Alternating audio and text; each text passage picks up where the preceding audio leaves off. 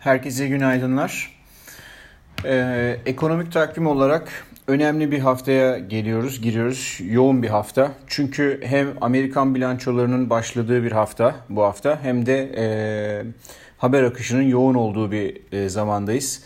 Öncelikle şöyle bir e, ekonomik takvimde neler var ona bakalım. Bu hafta salı günü Haziran ayı tüfe verisi, çarşamba günü fabrikaların çalışma hızını ve üretimini gösteren kapasite kullanımı ve sanayi üretimi, Fed'den 5 kitap, Perşembe günü perakende satışlar, Cuma günü ise inşaat sektörü verileri ve Michigan Üniversitesi anket verileri açıklanacak.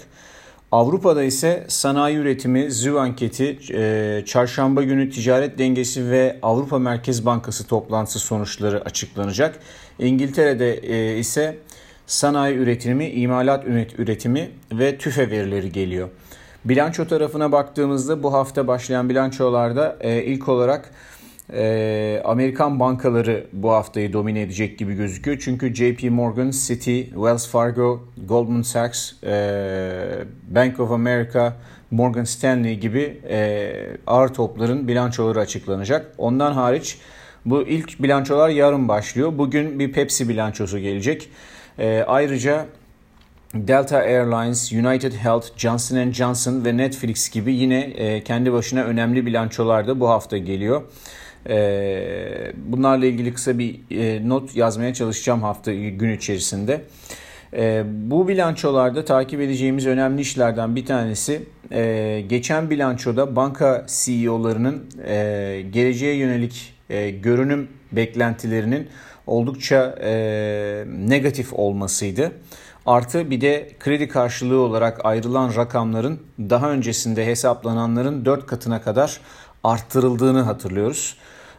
Dolayısıyla şimdi piyasada biraz daha iyimser bir hava, hava var. Bunu endekslerden görüyoruz zaten.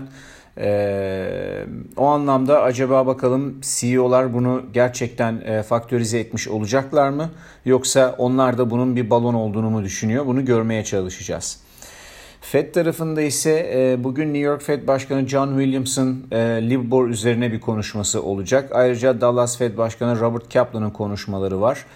E, ayrıca devam eden günlerde Perşembe, e, Salı, Çarşamba, Perşembe Lyle Brian, Brainard, James Bullard, Patrick Harker, Charles Evans gibi yine bölgesel Fed başkanlarının çeşitli organizasyonlarda konuşmaları olacak. Çok önemli bir sır vereceklerini zannetmiyorum. E, ayrıca bu hafta önemli haber akışından bir tanesi de Cuma günü Avrupa Konseyi'nin toparlanma fonu konusunu görüşecekleri toplantısı başlıyor. Burada olacaktır. E, bu noktadaki haber akışı Euro Euro'da pozisyon taşıyanlar için çok önemli olacaktır. E, her her tarafa doğru savrulma olasılığı var. Ancak e, konsey tabi e, daha önce yaptıkları açıklamalar itibariyle baktığımızda ciddi anlamda bu işi toparlayıp yapıp başarmayı düşünüyorlar. Tabi eğer başarabilirlerse ciddi anlamda Euro pozitif bir haber akışı olur. E, ancak e, kuzey ülkelerinin de Nordiklerinde bu işe biraz e, çok sıcak bakmadıklarını ama çok da karşı çıkamadıklarını da görüyoruz. Ama yine geri geldiğinde yine karşı çıkacaklardır ama sertleşme yok gibi gözüküyor şu anda. Yumuşak yumuşak herkes birbirine e, niyetlerini ifade ediyor. İlginç bir toplantı olacak. Bu toplantıda sonuç çıkar mı bilmiyorum ama sanki bana öyle geliyor ki işin sonunda e, Avrupa Konseyi bu toparlanma fonunu yapacak. Şartları belki biraz daha e, yumuşatılmış olabilir göreceğiz. Ama işin sonunda bu iş olacak gibi gözüküyor. E, piyasa fiyatlamaları tarafında Asya endeksleri piyasaya güçlü başlangıç yapmış durumda ve Amerikan endeks vadelileri de takip ediyor. S&P 500 vadelileri 10 Haziran'dan bu yana görmediği yüksek seviyeleri test ediyor ve geçen haftaki konsolidasyon bandının üzerine atmış durumda. Yani bir pozitif bir durum var. Eğer bu seviyeyi muhafaza edebilirse yeni bir round boğa kontrolü e, görebiliriz piyasada. Nasdaq falan baktığımızda zaten orası yukarı doğru yeni yüksek yapmaya devam ediyor. Hisselere olan ilginin devamı ile birlikte tahvil piyasasında faizlerin de yükselmesi beklenirdi ama e, yüksek likidite ve merkez bankalarının uzun süre bol para işareti vermeleri nedeniyle faizler aşağıda kalmaya devam ediyor. Ama e, faiz spreadlerine baktığımızda orası bu piyasada faiz piyasasında bir hareketlilik için çok yakın olduğumuzu gösteriyor, düşündürüyor. E, yani muhtemelen bu hareketlilik yukarı yönlü olur ama tabii şimdi çok kesin bir şey söylemek de pek mümkün değil. Yani bunu tetikleyecek bir haber lazım. Henüz piyasada o haber yok ama gerekli diğer teknik şartlar vesaireler var. Bakalım göreceğiz.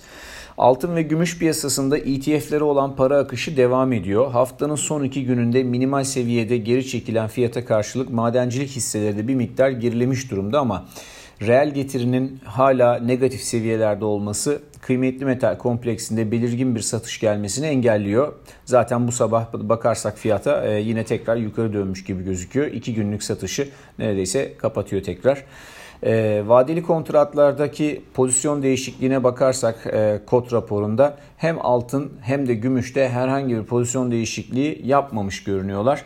Henüz e, çok bir şey ifade etmez ama bu durum bile yani e, iki haftadır diyelim e, tekrar altında longların artıyor olması ve sonra şimdi solmuş olması bu e, rallinin 2011'deki süreçle yüksek benzerlik göstermeye devam ediyor. Altın fiyatları yükseliyor e, ama e, fonların pozisyonları yükselmiyor. E, yine çanlar çal, çalacak. Bakalım ne zaman ne tetiklenecek onu göreceğiz.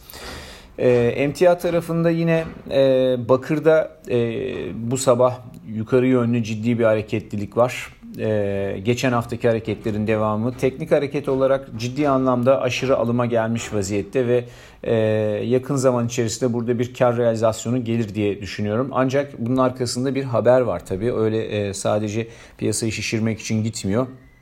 Ee, çeşitli üretici, bakır üreticisi olan e, madenlerde e, grev konusu gündeme geliyor. Geçmiş senelerde de olmuştu. Bunları yazmıştık hatırlarsanız. Bunlar bakır fiyatları üzerine çok etkili oluyor. Dolayısıyla henüz satmak için erken gibi gözüküyor. Şu bakır haberlerini biraz yorumlamak lazım, biraz anlamak lazım. Ama sonrasında bakırda e, iyi bir satış imkanı gelebileceğini tahmin ediyorum. Doğalgaz tarafındaysa e, geçen hafta fonlar yeniden e, bullish exposure'ı biraz arttırmış gözüküyorlar. Tekrar yani e, doğalgazda yine bir yükselme olasılığı gündemde gibi gözüküyor. Bugünlük benim tarafta bu kadar. Herkese iyi seanslar.